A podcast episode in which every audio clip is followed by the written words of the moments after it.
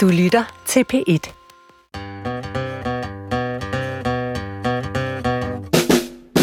Johan, vi har indimellem forsømt kort nyt. Ja, og det er der faktisk øh, nogle af jer lyttere, der har været ked af.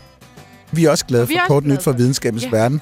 Men vi, nogle gange så har vi sparket ud, fordi så har vi hygget os og snakket for godt med vores Ja, gæster. og så er lydene ja. jo også blevet en del af programmet, så Også tager de lydene, også ja. lidt plads og sådan. Så, ja, så vi vil gerne beklage dybt. Så det her, det bliver simpelthen en intens pakke med nyheder fra videnskabens verden. Ja.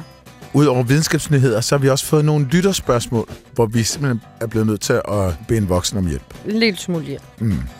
Man tror det ikke, men der er ting, vi ikke kan svare på. Mm-hmm. Og de handler faktisk, altså paradoxalt nok, om fugle og evolution. Ting, som vi jo interesserer os virkelig meget for. Men som Men- alligevel Ja, alligevel. Tør tårne vores Vicky. grundvold. Men det viser jo bare, hvor øh, drøn gode vores lytter er til at stille gode spørgsmål. Sådan, Ikke? lige præcis. Ja, bliv ved med det. Må jeg starte? Ja, det vil være en ære. Okay. Min vandrende pinde har fået babyer. Så fint. Jeg ved ikke, om man kan kalde det videnskabens verden, men det er i hvert fald hjemmevidenskab. Ja, ja, ja. Du havde jo en række vandrende pinde. Der var jo søsterne Grene, kan jeg huske. Søren Pind, Kåre Kvist Kåre Kvist, som gik hen og... stillede træbenene. Ja, og, og, øh, og Barbara Gren. og på Gren, ja. Ja. Og nu er der kun, jeg tror, det er Søren Pind og Barbara Gren, der er Ja. Mm-hmm. De tre andre har stillet alle deres små træben Ja. og ikke eksisterende sko. Og det gør de jo, og det, og det er jo første gang, jeg har vandret en pinde. Mm-hmm. Så det har jo været øh, på den måde meget videnskabeligt spændende for mig at følge dem. Det har været en spændende rejse Og de- også for mig. Ja, og, Og- du har jo fulgt dem lidt på sidelinjen, ikke? Ja. Og, og de har jo trives. Mm-hmm. Men nu er, de, nu er de altså simpelthen fået... Ja, men det er lidt svært nu har de for fået unger, at de snakke har- om det her. Ja, det kan da godt ja, høre. Men, nej, fordi det, der sker, er, det er jo... De har lavet jomfrufødsel. Ja, det vil sige, de kloner sig selv. Ja, Hvor, hvorfor, hvordan ved du, at det er kloner? det er fordi, så læste jeg lidt op sammen med Camilla, min veninde, som Ja. jo også altså, har øh, sammen med sin kæreste Michael. Vi har jo ligesom, vi kalder os jo deres forældre. Der er jo ingen af os, der har børn endnu, så vi, altså, så, Nej, altså ja. andet end vores hunde og kattebørn og sådan noget. Ja, Så vi har ligesom taget ejerskab over de her vandrende pinde, så Ja. nu er vi jo blevet bedsteforældre. Når man så læser lidt op på sine børn, så Ja. finder man ud af, at, at hunderne lever væsentligt længere end hannerne. mm-hmm. Og de har levet i over et år, og de bliver maks et år. Så altså, de, de er rigtig gamle for vandrende pinde. Ja. Men når der kun er hunder, så er det, de kan klone sig selv. Og Camilla fandt så også ud af, at mange af dem gør det, når de stiller træskoene. Ah, okay, så Altså, lige det før de ligesom- dør, så tænker de, lave lige en klon. Ja, ja æderkoppehunder for eksempel, de bruger jo også de sidste kraftanstrengelser til at få lagt æggene, så, Okay, så, altså, ja. så har de ligesom bidraget med, hvad de skulle. Ikke? Ja. Og det er jo det her med at føre sine gener videre. Det vil en vandrende pind jo også gerne, Ja, det hun ikke kan møde en, Ja. en sød fyr i, i akvariet uden vand bevares. Mm. Og der er blevet lagt æg i bunden. Og, Okay. øh, og lige pludselig, et par uger senere, kunne jeg jo godt se, hov, hvad er det? Mm. Tøven kende. Det er da ikke fnuller, der sidder Nej. dernede. Så var der små bitte vandrende pinde unger. Nå. Og nu har den ene søster Gren så gjort det samme. Okay. Hvorimod den tredje ligesom bare er, er, er faldet af, af pinden om natten, som man siger. Med en ordentlig kæppe i øret. Ja, det er Ja. ja. i hvert fald gået lidt hurtigere end for de andre, der okay, havde det sådan lidt stille og roligt og fået lagt deres Ja. Så nu er der et kul mere på vej, og det første kul har allerede, så prøvede vi at finde ud af, hvor mange de får, og så tænkte jeg, "Nå, okay, sådan 8-10 stykker, det er da også okay. De er meget små.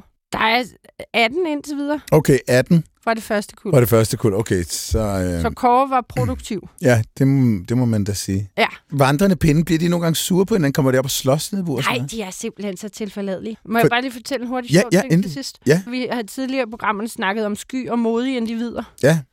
Det findes også inden for vandrende pinde, tror Det er sjovt. For det er altså meget sjovt, når de jo ikke rigtig... Jeg tror ikke, de kan blive vendet til at være i hånden. Men nogle af dem, de går velvilligt op på hånden af en, og andre, de kaster sig til bunden af buret spiller døde. Så jeg tror også, Kunne- der er sky og modige. Kunne du prøve at tjekke det på den nye, det nye kult? Fordi der ved vi jo, de er kloner. Jamen, det har jeg gjort. Der er, fordi når de skal fra det store bur, fordi de kan kravle ud af det store bur hen i babyburet, Ja. Så er der nogle af dem, der bare kaster sig ned, og så er der andre, der bare, nå ja, det er fint, haha, chill nok, jeg Det var Sørens. hopper med herover. Så det er ikke en genetisk forskel. Det virker ikke sådan. Utroligt. Løver, de kan godt uh, komme til at gøre skade på hinanden i zoologiske haver. Mm. De går over noget tæt. Der er ikke en savanne, hvor man lige kan gå, ah, jeg smutter lige 4 km den her Nej. vej. Og jeg, skal, jeg har så meget brug for noget alene-tid. Nej. Det er jeg ikke så meget med. Så derfor kan de godt komme til at vappe hinanden nogen, og så får ja. de Ja. rifter, og de kan få betændelse og sådan noget. Det er ikke så godt. Nej. Så er der kunne hjælpe nogle forskere, der, der har fundet ud af, hvad med at prøve at sprøjte oxytocin op i næsen på dem. Og oxytocin er sådan et stof, som øh, øh, folk, der har boet på en bundegård med dyr, kender til oxytocin. De har store dunke med oxytocin stående, for det er sådan en fødselshjælper, som Nå, man kan sprøjte ind i, jeg tror specielt det grise, man bruger det til. Så kan man give dem et skud oxytocin, og så er det nemmere for dem at føde. Men men... oxytocin er også et det, man kalder øh, kærlighedshormon. Jeg skulle til at sige, at det er ikke sådan noget, når du ser Gunnar, så bliver du fyldt med Så jeg, så oxytocin. lige præcis. Ikke så meget, når du ser mig, men altså, når jeg Gunnar med, Når så bliver med, så har jeg, er jeg i oxytocin-himlen. Øh, himlen. ja. Og det er et stof, der bliver udskilt i hjernen, så det skal altså op i hjernen. Det, hvis du sprøjter ind i blodet, det har måske ikke den store effekt, men i hjernen. Oxytocin øh, gør, at man bliver mere tillidsfuld over for andre. Mhm. Man øh, bliver roligere, øh, kærligere, simpelthen øh, større tillid. Men hvordan hjælper det grisene? Undskyld. Ja, men det har to forskellige funktioner. Nå, Undskyld. okay. Det kan bruges til at sætte fødslen, gøre fødslen nemmere. Men det er det samme stof? Det er samme stof. Okay.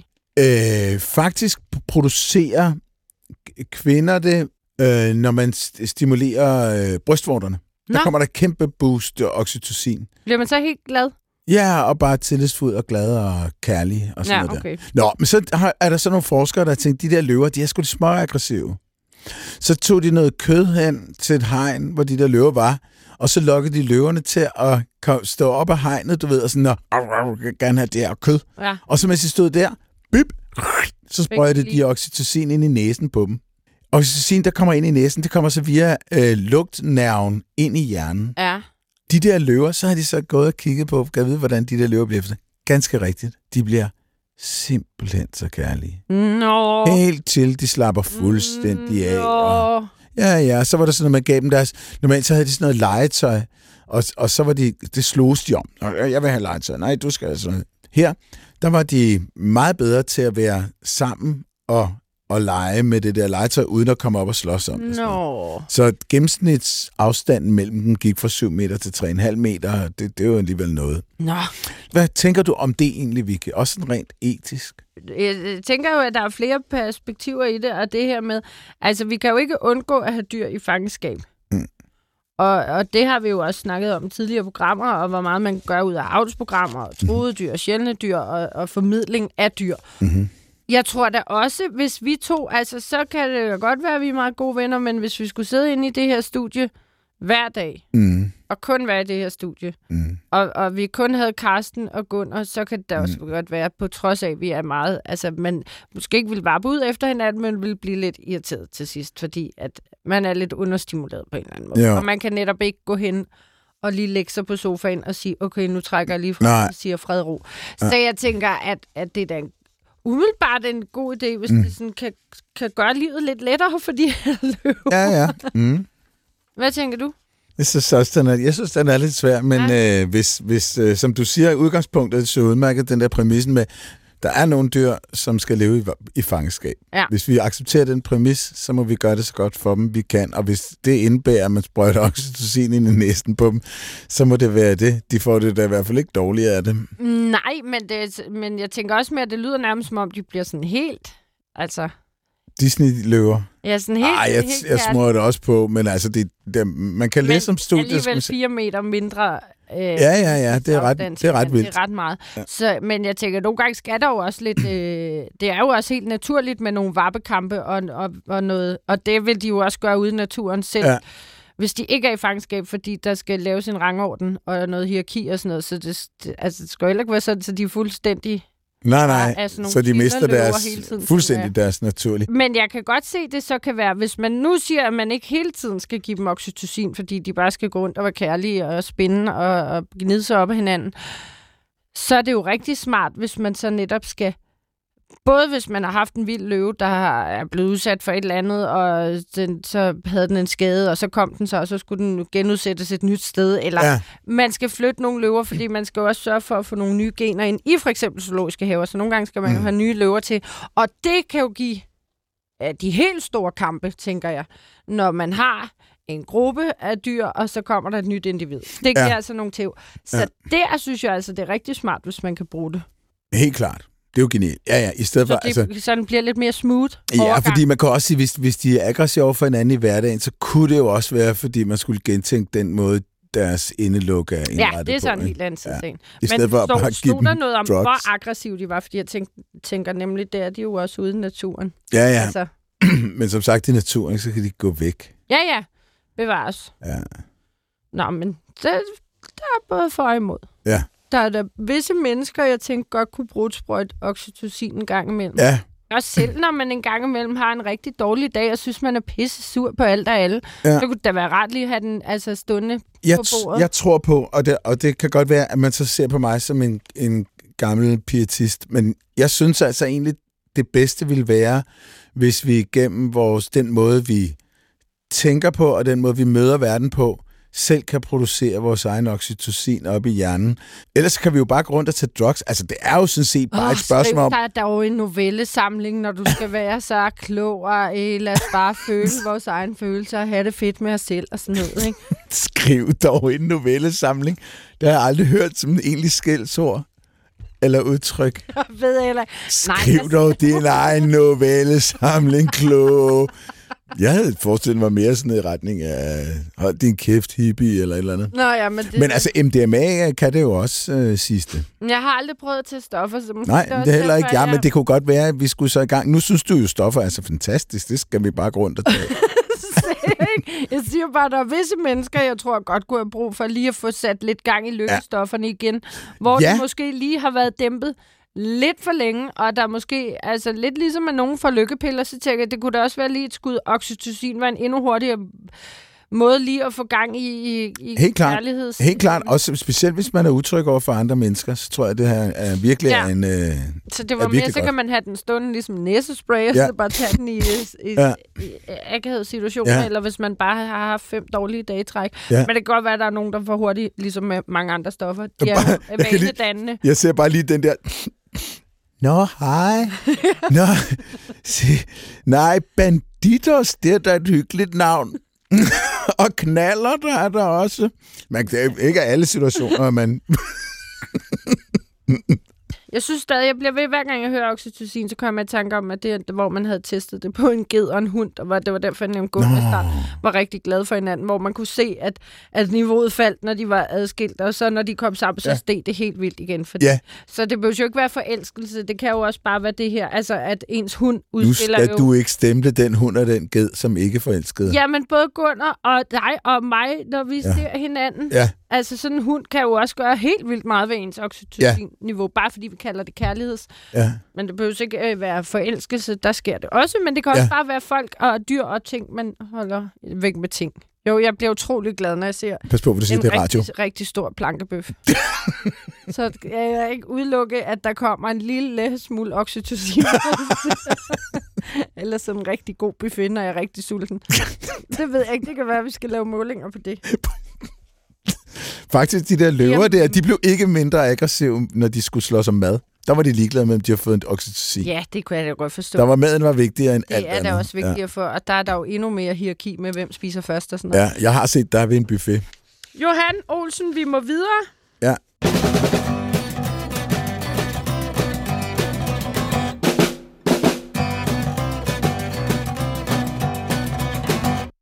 Når vi taler om sådan noget etik, ikke også? Mm. Så har jeg en her. Fordi der har jo været sådan en del snak om genterapi. Ja. At det er etisk forsvarligt. Altså hvis man synes, det er lidt voldsomt at, at begynde at tage stoffer for at ændre ens personlighed, eller den måde, man reagerer på omverdenen på, så må man da sige, at hvis du simpelthen går ind og ændrer dine gener, det, det er jo sådan et ret omfattende projekt, ikke? Mm-hmm. Drugs, de forsvinder jo, de damper dog trods alt af. Men det der, det gør gener ikke nødvendigvis. Her er der et lidt, sådan lidt øhm, gråzone eksempel. Ja. Fordi der findes en, øh, en sjælden, men kampnederen sygdom, øh, der hedder recessiv dystropisk epidermolysis bullosa. Det skal jeg lige bede om, du siger igen. Nej, det har jeg ikke lyst til, Vicky. Recessiv. Så den er ikke dominant. Det kan jeg gætte. Recessiv dystropisk epidermolysis bullosa. Epidermolysis bullosa kan vi bare kalde den EB. Jo, men det kan du ikke lige sige det Skal lige for fortæ- 10 gange træk, det der. Shut up. det er en sygdom, hvor overhuden og underhuden splitter fra hinanden. Au! Og, og ja, og det efterlader øh, huden ekstremt følsom selvfølgelig og angrebet af blære og sår. Det skyldes en mutation, og det er rigtigt, det er en recessiv mutation, så begge kromosomer skal have den her mutation. Så den er ret sjælden.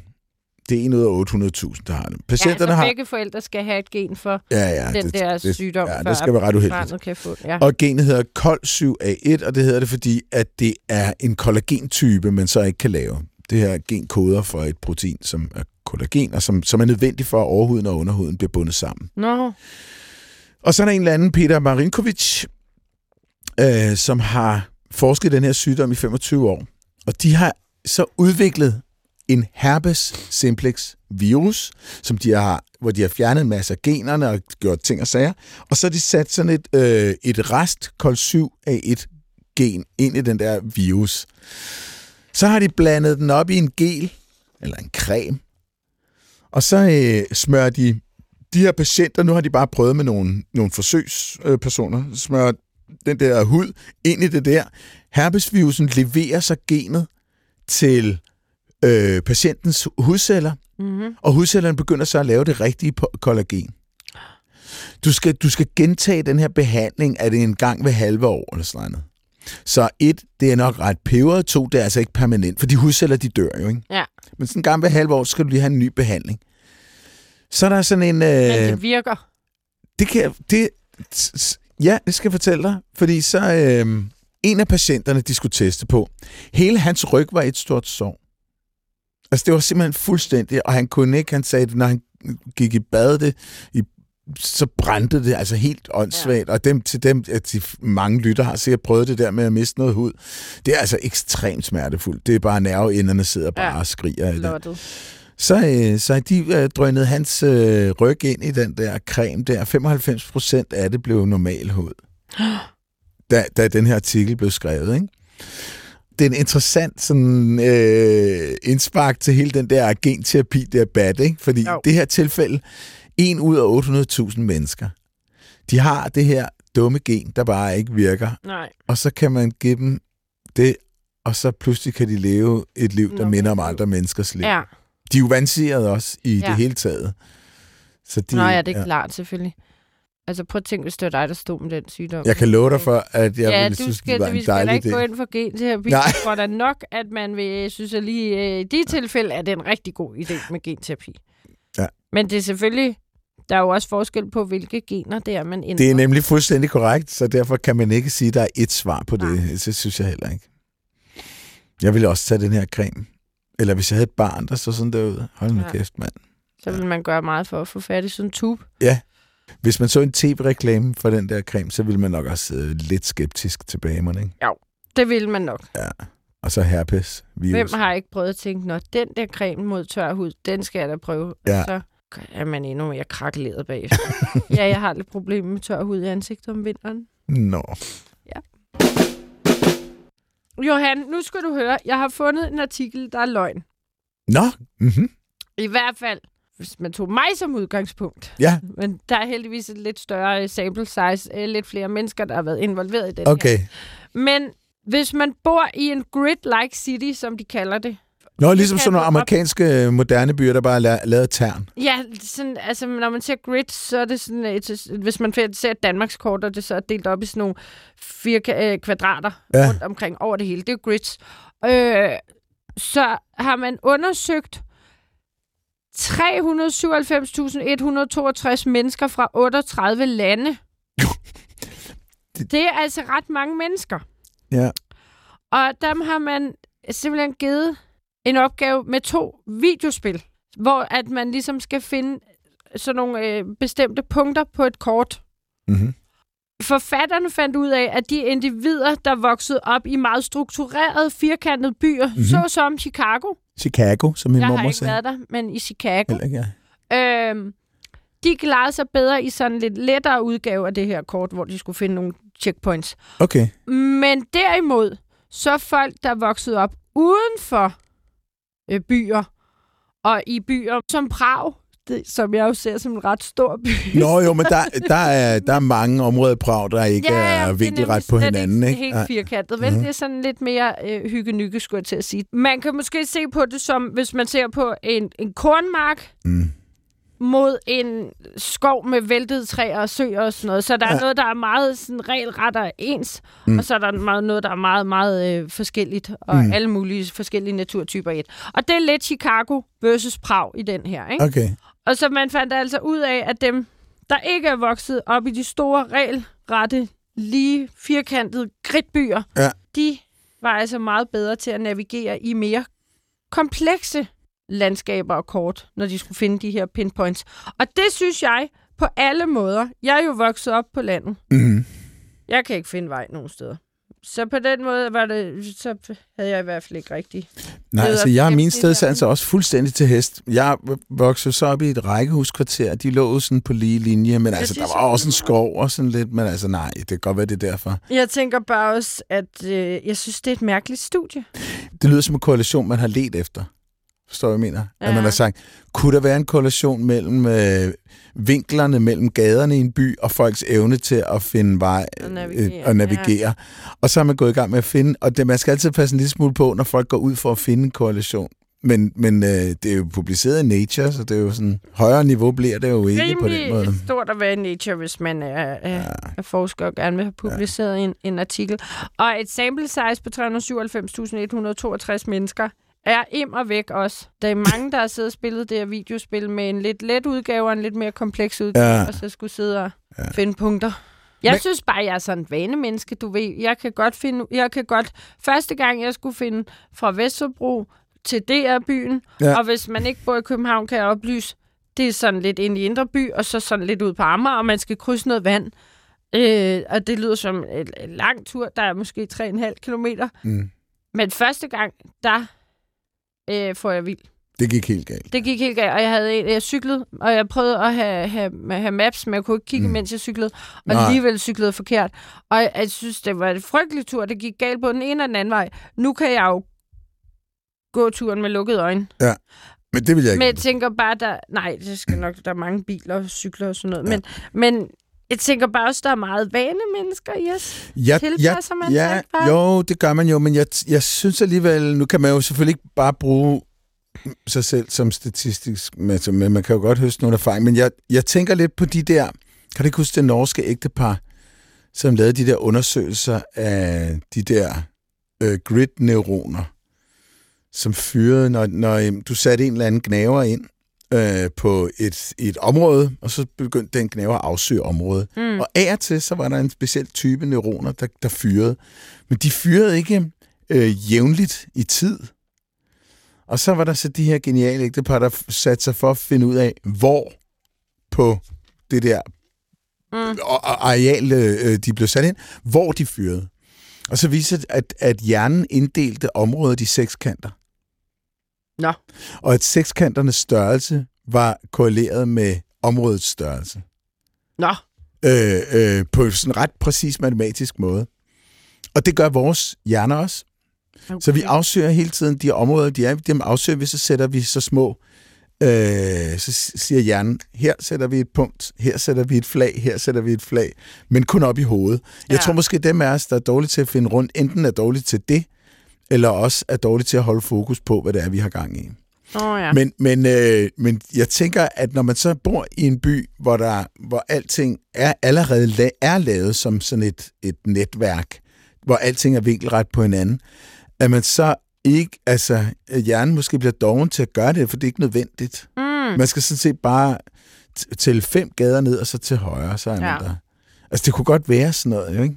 Jeg tænker jo, det er sværere at se, hvor man skal hen ind i, i hvert fald et land som Danmark, hvor der er forholdsvis fladt over Ja. ja. det hele. Så, det, øh, så hvis du skal dreje til højre, så er det svært at se, hvor det er i forhold til ude på landet, hvor der er. Så kan man sige, at det er helt dernede, så skal jeg dreje til højre. Ja, altså det, det er også rigtigt. Øh, I Chicago er der jo en del bakker. I Chicago? Chicago er vel stadig meget firkantet, firkantet og højhus og firkantet. Ja, det tænker jeg. Selvom at der er bakker, så, Ja. så fortsætter Ja, ja, netop. Der er lidt... øh, ret lignet op ad bakken og ned ad bakken igen. Altså, på, på underlige studier, så, så er det jo en udmærket indflyvning til den her. Vil du Er høre det den rigtigt? her? Ja, det er ret underligt, det her. Så vil jeg rigtig gerne høre det. Okay. Det har tidligere vist sig, at folk, der lider af depression, har en særlig mikrobiomprofil. Nu har vi jo snakket mikrobiom. Alle de mikroorganismer, men, øh, der lever på og i kroppen. Ja. Det er mikrobiomet. Så der ligger en masse forskellige bakterier og hygger og ting og sager. De hygger sig ind i vores tarm, mave-tarmsystem. Og det er mest det, man taler om, når man taler om mikrobiomet, og det er i det her tilfælde også det, man taler om. Okay, Changgang Liu fra Wuhan Universitetet i Kina, ja, Wuhan, øh, koblede den ændrede tarmbakterieprofil med det faktum, at depression hos mænd ofte er associeret med lavere testosteronniveau. Okay, nu har vi altså depression, mikrobiom og testosteronniveau Mm, er indover. Liu og kollegerne øh, isolerede en bakterie fra mave-tarmsystemet, der kunne gro med steroider, som for eksempel testosteron, som den eneste kulstofkilde. Det betyder, at de har et eller flere enzymer, der kan nedbryde steroider. Bakteriens navn er Mycobacterium neoaurum. Forskerne fandt, at der var en korrelation mellem tilstedeværelsen af, af den her bakterie, lavt testosteronniveau og depression. Forskerne inkuberede rotter med bakterien og så, at deres testosteronniveau faldt, og de udviklede tegn på depression. Nå. For at være sikker på årsagssammenhæng, så tog forskerne det gen fra den bakterie, der koder for det enzym, der er essentielt for nedbrydning af det der testosteron, og sat over i en E. coli-bakterie. Den inkuberede de så i dyr, øh, i rotter, og så fik de samme resultat, som da de gav den den, den der mykobakterium. Så kan man jo så sige, at her går man så rundt og tror, man har det skidt med sig selv, fordi man har lavet selvværd, eller særlig følsom, eller bliver presset på job, øh, i privatlivet, altså nej, nej. Det er simpelthen bare en skidebakterie. Eller er det? Eller Og nu er det? er det, Vicky, at der kommer en løftet pegefinger fra Nå. Vildt Naturligt. Ja. Fordi Vildt Naturligt kommer her med en advarsel til alle lyttere. Det gør vi. Den går ud på, at vi ser i det her tilfælde observationer, der til synlandet er koblet til hinanden, ikke også? Jo. Men det er små, bitte informationsbider af et super kompliceret system, nemlig hele vekselvirkningen mellem mennesket og mikrobiomet, og mellem mikroorganismerne internt, der langt fra er forstået nu. Så derfor kan det sagtens være, at der er nogle bagvedliggende årsager og agenter, der er skyld i de effekter, der er beskrevet, men så i virkeligheden øh, opfattes som sekundære symptomer. Så det her studie, synes jeg, er et kongeeksempel på et studie, der man virkelig skal tage med et grænsalt. Ja. Fordi der er årsag og virkning og sammenhæng her. Wow. Så man siger, depression hos mænd er ofte et spørgsmål om, at de har lavt testosteron. Vi, vi har, ved, der er en bakterie, der kan nedbryde testosteron. Tingene må være koblet, og så Ja. finder de en eller anden effekt af det. Jeg synes, det er, det er virkelig farligt. Det skal man lade være med. Eller ja, man skal skal i hvert fald... Øh, man skal Vi i hvert skal fald lære mikrobiomet bedre kende. Ja, det skal vi.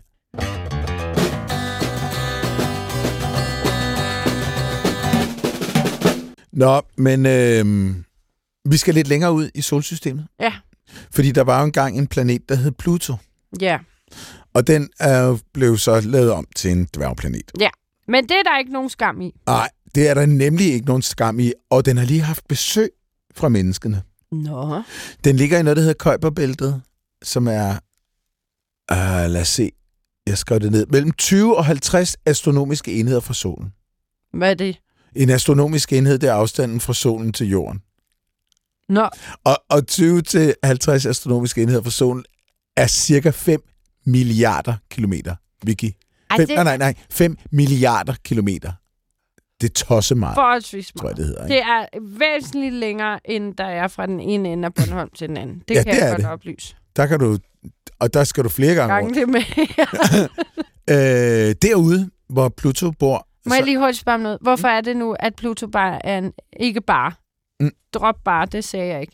Hvorfor er det, Pluto er en dværgplanet og ikke en planet? Hvad Fordi det, man fandt ud af-? For man fandt ud af, at det, der definerer en planet, er, at den har ryddet alt i sin bane. Okay. Så øh, hvor Pluto ligger ude i kopperbæltet, som er fuld af alt muligt små Krimskrams. krimskrams og sten og støv, Ja. så, øh, så er de otte planeter, vi kender, de har efterhånden bare støvsuget mm. hele, hele deres bane for alt uh, materiale. Så Pluto skal blive lidt bedre til at gøre rent omkring sig. Den skal bare i gang med at støvsuge. Ja. Planet. Ja. Nå, men den ligger jo altså helt derude. Og der er koldt. Altså som i, lad os nu bare være ærlige, pissekoldt Pissekoldt. derude altså. Der er cirka, overfladen af Pluto er mellem 35 og 60 Kelvin. Det vil sige sådan noget med minus 230 grader eller sådan Okay. Ja. Der er ret. Jeg føler ikke, at Pluto er sådan en, der byder en velkommen. Nej, må det være ikke, ikke ferie der, nogen det vil jeg sige nej. Nej. Derfor var det en overraskelse, da New Horizon, øh, som er sådan et rumskib, øh, forskningsrumskib, der drønede forbi og tog en masse billeder af Pluto. Og så kunne man se, de der, sådan, sådan Pluto, den er fuld af sådan nogle ar efter meteorer, der er Nå, rammet ja. ind i den gennem årene. Fuldstændig som månen. Ja. Det er bare jævnt fordelt over det hele. Ja. Grunden til, at jorden ikke har det, det er fordi, at jorden er virkelig varm indeni, og den varmeudveksling, den gør, at der kommer sådan en opblanding af jordskorpen, og der kommer pladetektonik, og der kommer vulkaner og alt muligt. Og de fjerner efterhånden de der meteornedslag, der har været i jordens historie. Ja, okay. Så dem, vi kan finde, det er ganske få. Det, det er sådan mere sådan aftegninger. Kan man se de den virkelig ved store. Yucatan? Ja, det kan man. Ja. Det er derfor, ja. Men man kan ikke se den med det blotte øje. Det, nej, det er, nej, fordi, man, men ja. man kan se, der er spor fra den. Ja, det er der. Så, så de der krater, så opdager man, Vicky, så opdager man, at på Pluto, så er der et område, hvor der ikke er nogen krater. Så der ser helt rent ud, skulle Ja. til at sige pænt og Ja. helt i overfladen. Ja. Ja. Og, og det område er ovenikøbet meget højt. Det ligger sådan noget, der kunne ligne sådan små, hyggelige øh, øh, hobbitbjerge, ikke? Så er det ret usandsynligt, at der skulle være geologisk aktivitet på Pluto, fordi det er simpelthen for koldt til, at der kan ske noget som helst øh, inde i det. Den ligger bare frosset, ligesom øh, Mars gør i dag, og ligesom månen øh, Ja. gør, ikke også? Men der bliver nødt til simpelthen at være sket et eller andet. De her forskere her, de siger så, okay, det der nok er sket er, at vi har at gøre med kryovulkaner. Kryovulkaner, ja. Så der sker det, at nogle hundrede kilometer under Plutos overflade er der, ifølge de her forskere, det er deres hypotese, flydende vand. Det vand er blandet op med kvælstof og metan blandt andet. Når der er så koldt på Pluto, og vandet er flydende, så er det på grund af kvælstof. Kvælstof og metan gør, at vandet er- flydende til en langt lavere temperatur. Og så siger forskerne, og så er det altså muligt, at der er en eller anden varmekilde, eller var, fordi det, det, det her vulkanudbrud, det har været, det, det er måske 100 millioner år siden, det Mm. skete. Men det er jo ikke sådan noget, der generer en, en god planet Nej, øh, Nej, nej, geolog. nej, nej, det. Det eneste problem, de har med denne forklaring, for de kan se, at der er sket et eller andet. At de kan se det her vulkanudbrud som mere er sådan en siven, end det er et eksplosivt udbrud. Det kommer bare ud der inden fra, inden fra planeten. Nå, det eller er- kommer ud. det kommer ud inden for planeten, men, men, øh, men det er ikke sådan, et, ligesom vi kender vulkaner på jorden. Det, Nej. er- det er altså temmelig kolde sager, der kommer Ja. ud. Men der stadigvæk er flydende, når det så kommer ud, så størkner det. Og så dækker det Ah. eventuelt krater, der har været der før. Ikke? Ja. Problemet i, i den her artikel er også lige med at finde ud af, hvor, hvorfor kommer øh, varmen fra. Pluto er ikke en hotdog, vel? Altså, det, det er et virkelig koldt sted. Det, der kan være sådan noget tidevandsvarme, når man har en måne. Den har en ret stor måne, der hedder Charon, der drejer rundt om den. Og det, det at månen trækker i sådan en planet, det kan godt give den noget varme. Og så kan der også være radioaktivitet. Men på grund af Plutos sammensætning, så mener de, at radioaktivi- radioaktivitetsvarmen er virkelig lav også. Man ved ikke helt, hvordan det helt hænger sammen, det der. Konklusionen Men det er, er- de ikke. Konklusionen er mega sejt. Der har inden for nyere tid, det vil sige inden for de sidste 100 millioner øh, år, været vulkanisk aktivitet på Pluto. Det er der ingen, der havde regnet med. Altså, det er helt godnat at forestille sig. Ja. Men det, det er ret tydeligt, det er sket.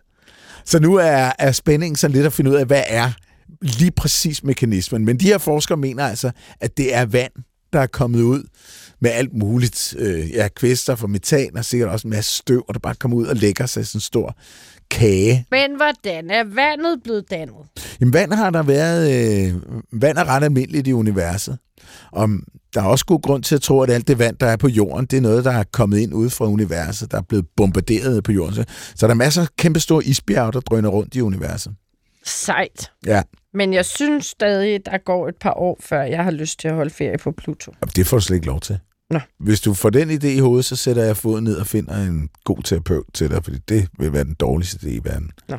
De, de her høje, man ser omkring de der kraterfri zoner, de er op til 7 km høje. Så er det Nej. jo ikke en høj, så er det jo et bjerg. Så er det jo bjerg, og det er jo, hvor, hvor høj er Mount Everest? 8,8. Så 7 km højere, og så Mount Everest er 8. Så det er nogle ordentlige klipper, der er specielt på sådan en lille bitte planet. En lille bitte planet. Ja, Hvor stor er planeten i forhold til jorden, for eksempel? det skal du ikke blande dig i. Nej, det er også det, jeg siger. Det er et ordentligt program, det her. Men øh, det, jeg synes, det er en sjov, virkelig sjov historie. Det er en sjov historie. Mm. Der er så meget, jeg ikke forstår ved det store, store, store univers. Du er ikke alene. Det store, store, store, gamle, gamle, gamle univers. Ja. Vi, kan, vi jo bliver jo bare nødt til at indrømme, at der er nogle af de her øh, spørgsmål fra lytter, som, som simpelthen har været for svære. Ja, altså, Bekymrer- nogen vil sige for svære, nogen Mm. vil sige, andre kan svare hurtigere og mere korrekt på det end os. Ja, en det kombination er af ikke de mange to. spørgsmål ud af den samlede bunke, Nej, men det er meget derfor, få, faktisk. at vi simpelthen lige har kæbret uh, Knud Andreas Jønsson til at hjælpe os, Ja. som jo har hjulpet os med altså, at forstå, hvordan fuglene har spredt sig ud i verden, og, og spreder de sig op ad bjerg, eller flyver de På Ny Guinea. i Ej, verden? det kan altså virkelig anbefale den udsendelse til... Den skal man øh, ja. til. Men så er det heldigt, at vi sådan på en eller anden, på en nærmest piratmanér, Mm. lige øh, hive fat i Knud og sige, Ja. ja. kan du ikke lige hjælpe os med et par af de her lytterspørgsmål, som lægger sig ret meget op af din forskning i fuglenes evolution. Jeg kan lige sige til lytterne og, og til Knuds familie, hvis de lytter med. Knud har det godt. Han har fået noget at drikke, Ja. ja. han har fået noget at spise, mm. Vi har løsnet øh, tapen fra munden. Må, Jeg jeg har læse det rigtig godt, så Må jeg- øh, jeg er glad for at være med. Må jeg læse spørgsmålet op? Ja. Så Jesper har sendt os et spørgsmål. Hvor mange dinoarter udviklede sig til fugle, og hvor mange mellemstadier har vi fundet? Han har, han har set et 50 millioner år gammelt fossil af en næsten helt sangfugl, der blev fundet i Molieret på Mors, på Mors ikke, i er november i fjor. Um, Jeg tror, han har set en artikel om det. Fik jeg det til at lyde som om, at det var Jesper, der havde fundet det? Ja, det, altså, det tror jeg også gerne Jesper ville, og det ville være Okay. fedt, men jeg tror, ja. Men han har nogle spørgsmål, der er affødt af, af det fund. Ja. og spørgsmålet er altså, hvordan kan man overhovedet se, at det er en sangfugl? Og han skriver så, at han tænker ikke, der er så gamle optagelser, selv ikke i DR's arkiver, at man kan høre den synge fossile Det er optagelser. sjovt, Jesper. Og det andet er, hvor mange forskellige dinoarter udviklede sig til fugle, og hvor mange forskellige mellemstadier har man fundet som fossiler.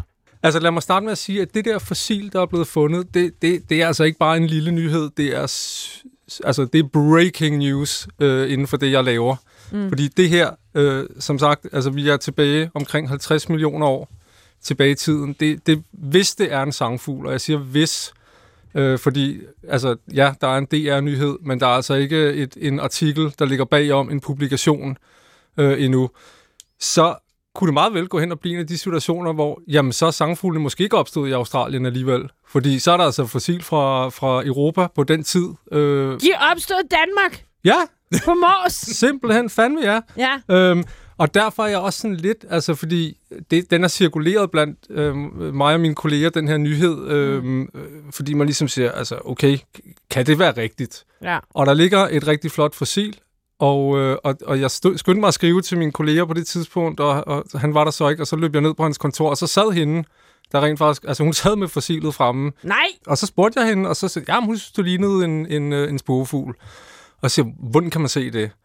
Ja, men altså, hun synes, det, det, det skulle være nogle meget mærkelige fødder, hvis det ikke var en spurvefugl. Jeg skal selvfølgelig ikke sætte spørgsmålstegn ved det, og jeg ved ikke helt, hvor jeg har prøvet at, at, at, at følge videre op på nyheden, men altså, det, det er sindssygt, hvis det er et sangfuglefossil, der dukker op øh, her i Danmark. og hvorfor? Jamen, fordi altså, de ældste fossiler, vi har, de kommer fra Australien, og, og, og, og hele modellen er, at der skal slet ikke være sangfugle i, i den her del af verden, mm. før for en, en, en 10-15 millioner år siden. Hvor gammelt er det næstældste, hvis vi nu siger, at det her det er det ældste fossil? Jamen, jeg tror, de, de kommer fra sådan noget 20-25 millioner år siden fra Australien. Wow. Og derfor har man ligesom sagt, at det passer nok meget godt. Altså, det, det er de fossiler, man, man, man har dernede fra. Og jeg har haft en studerende derinde, som lavede et projekt på et fossil fra Mors, hvor vi sådan jokede med, har tænkt, hvis den viser sig at være en spurvefugl, altså så, så har vi øh, den helt store nyhed. Ja. Og så går der øh, altså et halvt år, eller, øh, og så dukker den der op. Og jeg vil også sige, altså, det er ikke helt nemt at placere de der fossiler i forhold til, øh, hvor de er. Altså, det, det er svært at finde de rigtige karakterer. Nå, men, men det er, hvad det er. Det, det, hvis det er rigtigt, og hvis der kommer en artikel på den, så havner den i Nature eller Science, øh, og så kommer den til at ændre øh, noget ret gevaldigt ved vores opfattelse af, øh, hvor øh, spurvefuglene kommer fra. Wow. Nå, og hvad var det så, der blev spurgt om? Øh, nej, der er en, det, det må I svare på, om der er optagelser i arkiverne fra, fra sangfugle. Det tænker vi, Jesper har ret i. Ja, det har han nok ret Meget i. kan man sige om det er, men... Øhm, altså, og så kommer vi til det her med, med, med, med dinoerne, og hvor mange forskellige mellemstadier og sådan noget. Jeg tror, at der bliver simpelthen lige nødt til at slå fast først, altså, øh, hvor- hvordan man ligesom ser det her for sig, for der er altid det her med mellemstadier. Altså igen, vi har det her træ, der kommer op, og der sætter en masse grene af og, øh, ud igennem, og, og det, det er ikke bare sådan en lineær ting, der ændrer sig. Så altså, på et eller andet tidspunkt, så dukker Archaeopteryx øh, frem, eller det, det, det regner man som den ældste fugl. Den er 150 millioner år gammel, fundet i Tyskland, og den har øh, fjer. Mm. Og der siger man ligesom, det her, det er den tidligste fugl. Så fortsætter den. Man kan måske lige til dem, der ikke kender til Archaeopteryx, så kan vi sige, at der er noget modetøj for tiden, der hedder Arcteryx. Ja, det er rigtigt, Og der ja. er Ja. faktisk, øh, logoet er Lille. faktisk øh, et Ja. Archaeopteryx-fossil.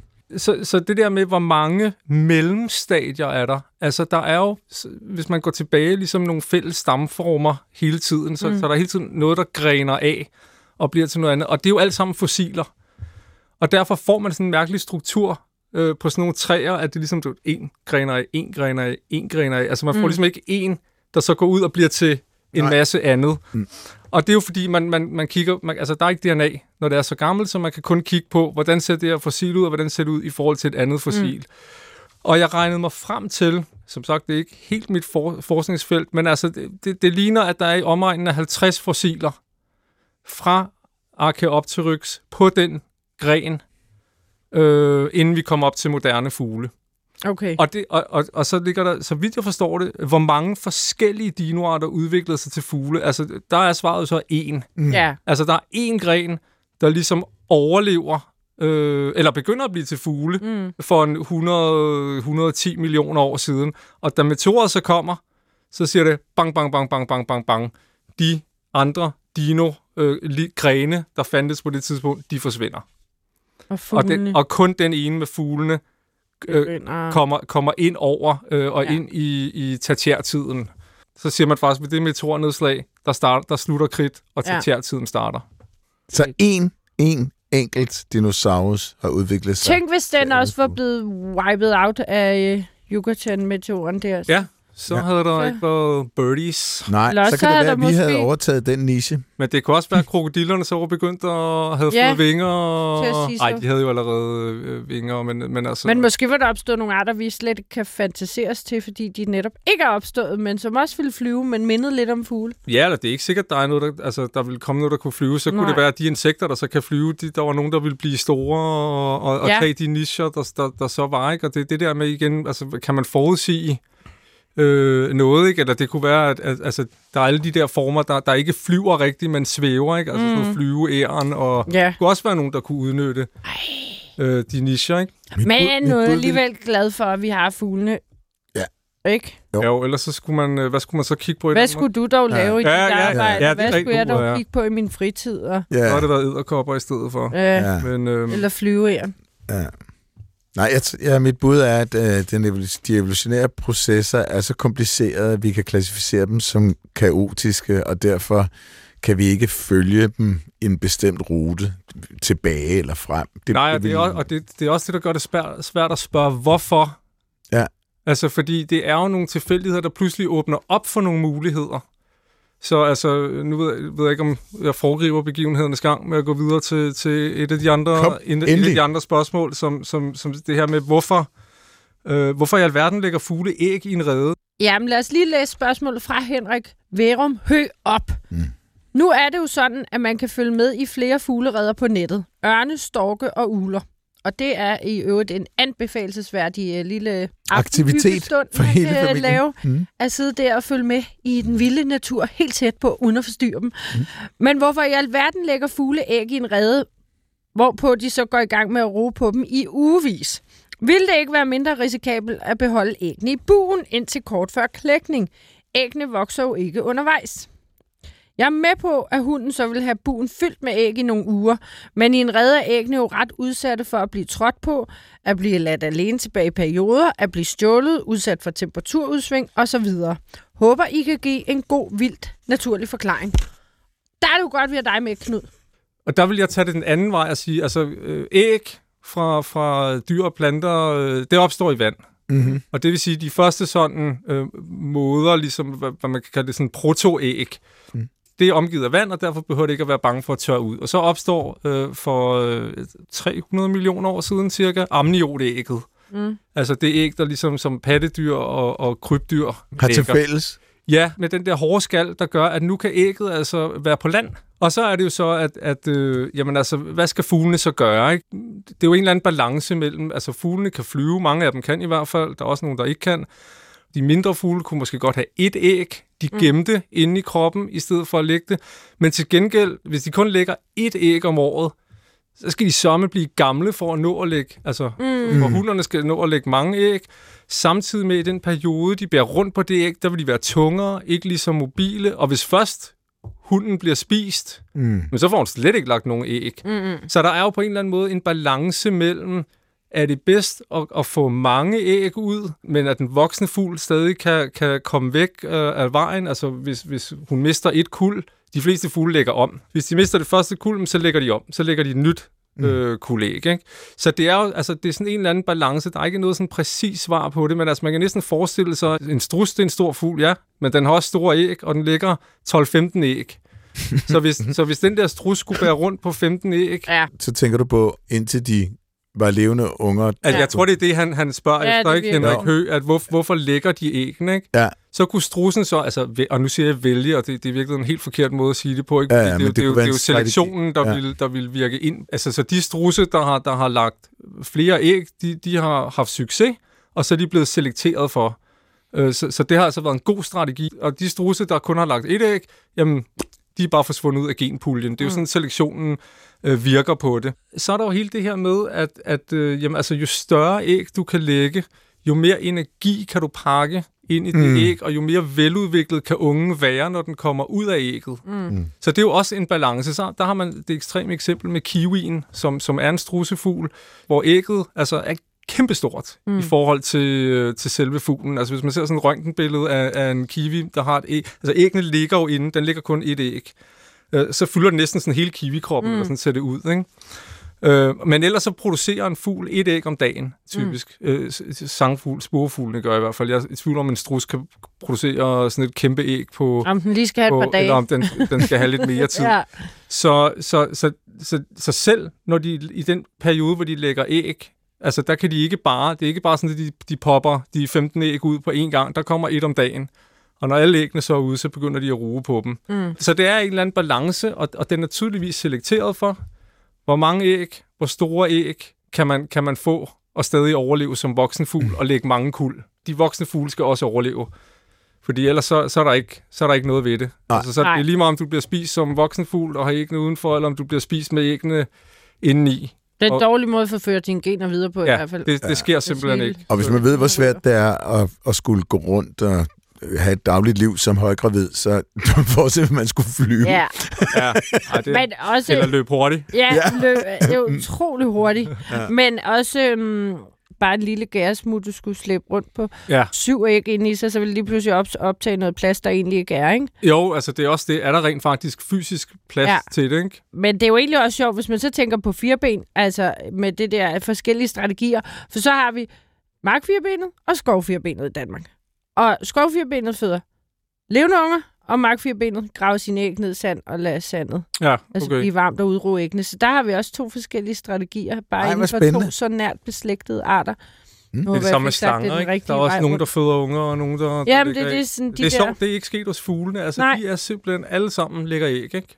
Ja, Og alle æggene, når de klækker, så har ungerne behov for at blive passet et stykke tid, ikke? Nej, det, Nej. Øh, det er jo nemlig meget forskelligt mellem fuglegrupperne. Nå. Altså, så, så for eksempel, altså typisk de, igen, de gamle fuglegrupper, strussefuglene, andefugle, de kommer ud af ægget, og så damper de afsted øh, med det samme. Enten svømmer de afsted, eller, eller går og samler øh, ting op, altså frø eller, eller, eller små insekter. Vadefuglene.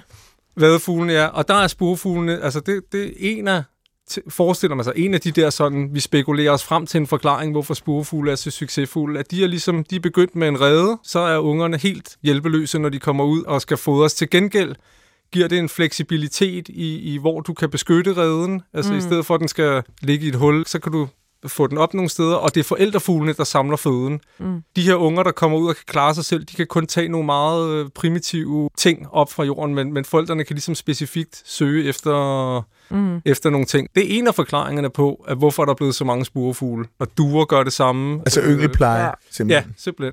Yngelpleje.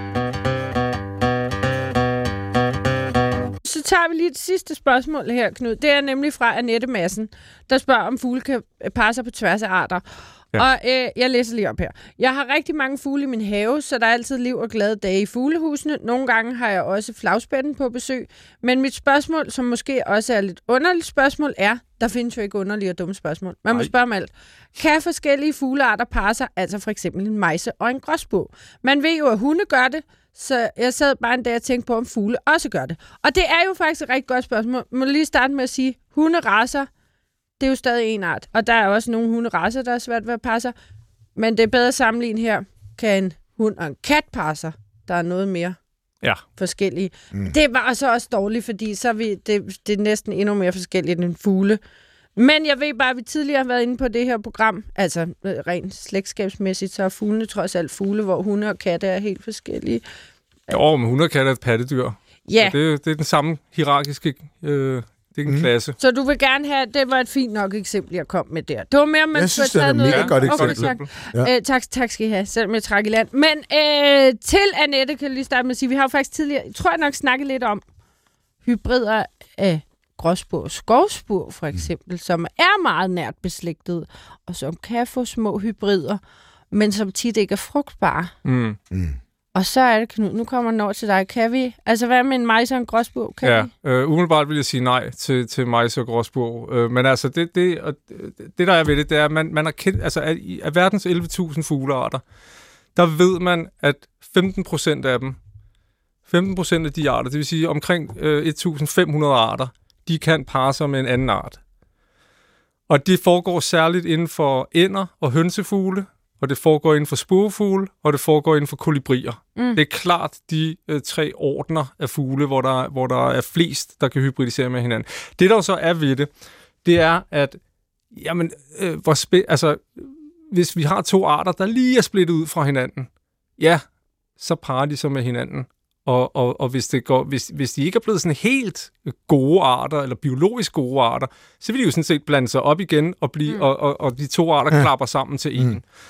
Øh, men, men så er spørgsmålet det her med, om de kan parre sig, de kan få noget afkom, men hvad med det afkom, hvad kan det så? Og mm. der er det jo langt de fleste hybrider, eller altså, de, de er sterile.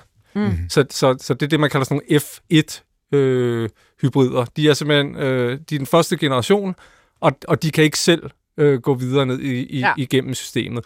Hvis vi så tager et eksempel på, øh, nu krydsrefererer jeg igen, blåmejse og surmejse, øh, som, som er to meget ens arter, så er det jo, man, så, så er det fuglekigger i Danmark for eksempel begynder at snakke om, at den er måske øh, en anden tredje generations et eller andet. Mm. Øhm, og, og det har vi altså ikke så, så meget data øh, for endnu. Men det er de nært beslægtede arter. Og sort krav, gråkrav, der kan man også se sådan nogle, sådan nogle mellemformer, kalder man. Ja. Så, hvor den er sådan Jamen, det er rigtigt. Og mest der, sort, men så med lidt grå nister rundt omkring. Ja, der snakker man om, at hybridzonen er meget, meget smal ja. for gråkrav og sortkrav. Den er kun sådan et eller andet 200 km ned igennem øh, Europa. Og kan måske også få frugtbart afkom, fordi de er så nært beslægtet, ja, at de altså, faktisk har været en art på et tidspunkt. Ja, og så viser det sig, at, at de mutationer, der ligesom gør sig gældende for, om du bliver grå eller sort, det er meget, meget få ja. øh, på tværs af hele ah. genomet, så, ja. så det er ikke sådan, øh, du ved, øh, kæmpe, kæmpe mange forskelle. Øh, nå, men, men det jeg lige skulle nå at, at snakke om også, det er, at altså, det her det er nært beslægtede arter, mm. øh, der udgør langt de fleste øh, af de her hybrider, man kender til. Så altså skovsbog, gråsbog, eller, eller blåmejse, surmejse. Eller... Men så er der dem, der, der, der hybridiserer på tværs af slægter. Mm. Altså, og, og hvor man per definition, altså hvis man er i en slægt, øh, og, og den man hybridiserer med en anden slægt, altså så er der per definition måske, altså i hvert fald 5 millioner år, øh, nok snart 10 millioner år imellem, at de har haft en fælles stamform. Så det vil minde mere om en hund og en kat? Ja, så er vi, ja. Så er vi mere det over af. Øhm, og, det, og, og det var i virkeligheden de tre grupper, øh, der, der har øh, flest af dem, hvor, hvor der er på tværs af slægter. øh, der, der, der kan parre sig. Det, man så også skal huske på, det, er- det er, altså, en, en slægt er sådan et, et, øh, et unaturligt, altså en unaturlig konstruktion, hvor det er simpelthen et spørgsmål om, hvordan folk ligesom har synes, at de skulle puttes ned i nogle bokse. Ja. Så det kan være, det kan være øh, 5 millioner år, det kan altså også være 14 millioner år, der er imellem. Der kan være meget store forskelle. Og vi, vi laver nogle studier på paradisfugle i, i Ny Guinea, øh, hvor, hvor man især kender til, at, at fuglene kan parre sig på tværs af slægterne også. Ja. Men typisk bliver det kun første generations individer, Mm. og så forsvinder de ud. Kan de ikke? Okay. Nej. Så, kan- så, kan de, så, så bliver der ikke mere ud af det. Så, så altså, Spændende. jeg tror ikke mejse og gråsbur, øh, Nej, de det, det kan næsten ikke forestille mig. Fjerne. Øh, men, men, men, og det er jo også det, altså de 15 procent af verdens fuglearter, man kender til, det er jo nok altså, underestimeret. Mm. Fordi, men, altså, men så er det et spørgsmål, om der er nogen, der ligesom altså, laver en hybrid, men man kan simpelthen ikke se, at det er en hybrid. Ah, se, Annette, det var slet ikke et underligt spørgsmål. Nej. Det kom der meget Ej, godt det er faktisk et vildt interessant spørgsmål. Virkelig godt spørgsmål. Øh, Knud, nu vil vi øh, ikke kabre dig længere. Nej, Nu er vi ved at være færdige for i dag, Vicky, med videnskabsnyheder og... Og, Det, det, og det, lytterspørgsmål. det, det. Og, og Vicky, vi aftalte, at du skulle ikke lave synge-outro. Nej, undskyld. Fordi at det var ikke så godt med synge-outro. Nej. Men øh, tusind tak for i dag. Tak til lytterne for at lytte med. Tak til Carsten Nielsen for hjælp med alt. Ja, alt. Øh, skriv til os på, Vildt. Naturligt. Snablag.dr.dk og man kan lytte til os på alle mulige podcast-platforme, blandt andet DR øh, Lyd. Mm. Og øh, med de ord, så er der ikke andet øh, Er der fri leg? tilbage at sige, du har fri, kære lytter. Fuglespørgsmål, fuglespørgsmål, videnskabsnyt og evolution. Okay, nu er jeg færdig, Carsten.